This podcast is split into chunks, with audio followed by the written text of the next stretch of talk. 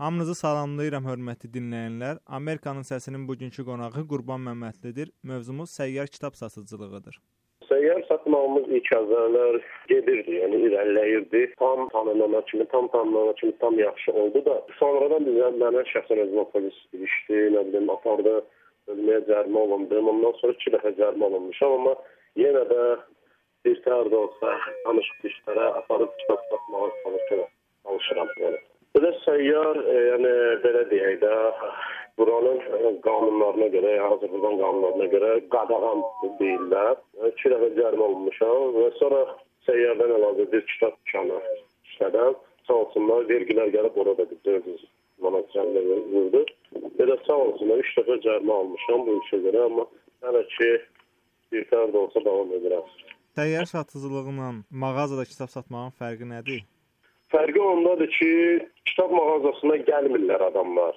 Səyyar bir növ belə bir gedirsən adamın ayağına və məcbur edirsən ki, bu kitabı almalısan. Yəni bir növ xarakter daşıyır. Və bir dönəmlər mən bunu çox endirimdən edirdim. Bu son dönəmlərlə də bir ilə bağlı artıq öz qiymətinə, yəni mağazin qiymətinə təklif edirəm. Yəni Səyyarın fərqi ondadır ki, dükandan fərqli olaraq elə bir növ adamın ayağına aparsan və bir növ ona onu vadar edirsən ki, bunu almalısan, yəni kitabı. Bir növ belədir yəni. Bəs bu səyyar satıcılıqda problemlər yaranırdı. Polislərin hansı Bəli, iki dəfə 80-80 manat yarım olmuşam. Səbəb nə gətirdilər?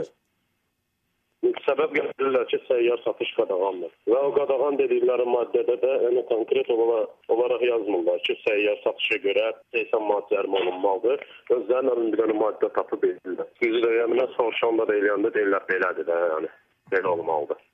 Son günlər sosial şəbəkədə də sizin kitabat səhifəniz çox paylaşıldı və ə, e, səyyar kitab alması üçün insanlar bir-birinə paylaşdılar ki, sizdən kitab alsın. Bunun təsiri oldumu? Kitab satışlarında artış oldumu? Onlara həqiqətən ə, e, minnətdaram ki, çox paylaşdılar, ə, e, çox dəstək oldular. Yəni həqiqətən, yəni satış yaxşı oldu da, amma satışın məqsədi tam başqadır. Bir problemdən dolayıdır, yəni bir xəstəliyə görə satılır və bu xəstəlik real xəstəlik olduğuna görə kitabın satılmağı daha çox lazımdır ki, o xəstəliyin pulunu, yəni maddi tərəfini qarşılamaq üçün daha çox vəsait, maddi vəsait lazımdır. Ona görə kitab çox satılmalıdır. Amma bir növ bir insanları da məcbur etmək istəmirəm. Çox sağ olsunlar. Həqiqətən bura kimi çox dəstək gördüm. Hər kəsə minnətdaram. Var olsunlar. Belə gözləmirdim düzü.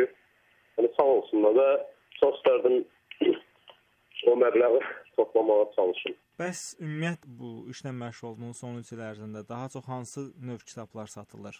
Səyyar satışdan müştəriyə yaxınlaşanda ilk öncə hansı kitabları onlara məsləhət görürsünüz? Mənim özümün məsləhət gördüyüm janrdan da əlavə adamların istədiyi ən çox e, dedektiv janrıdır, e, romantik janr, bir də psixoloji də deməyim, motivasiyadır. Üç janr əsasdır və həmişə mən demişəm, indi deyirəm, bizdə məsələn həmişə önərdiyim kitablar ə, fəlsəfə janrındadır və fəlsəfə janrına bizə qıtlıq var. Biz belə deyərdim ki, fəlsəfə qıtlığı var bizim oxucularda. Hamısından şamil etmirəm. Amma əksəriyyətində o insanlar ki, detektiv üstəlik. Məsələn, detektivdən də daha ə, faydalı romantik janrdan, yəni Əhməd Baxmandır, kimlərsə, nə bilim, qəhrəman faciə olur. Məsələn, belə bir yazarlar istəyəndə nə bilim bir təhər olun. Deyirəm ki, fəlsəfə var da. Keçən dəfə bir xanım kitab önərdim.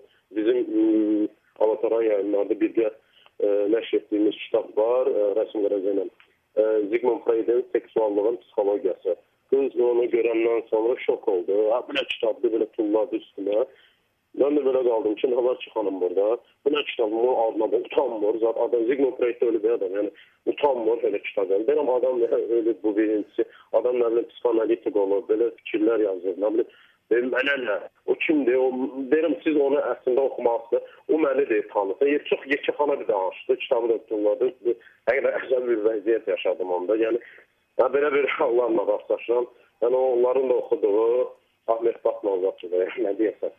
3-4 il əvvəl bir tendensiya yarandı. Bu challenge adlı bir şey yarandı, hashtag. Və hamı ondan paylaşdı. İndi o yəni o mövzu ölüb. Yəni heç kəs ona müraciət eləmir.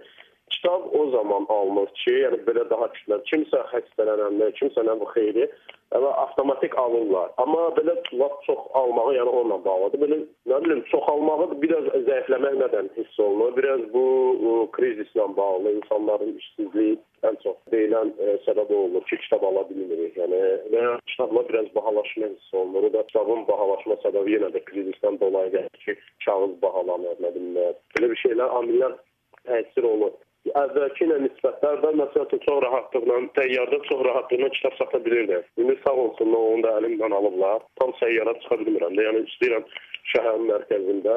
Və məsələn bir ay bundan əvvəl İranda idim Tehranda. Orada çox rahatlıqla şəhərin ortasında qoyur, mərkəzində qoyur və kitab satır adam.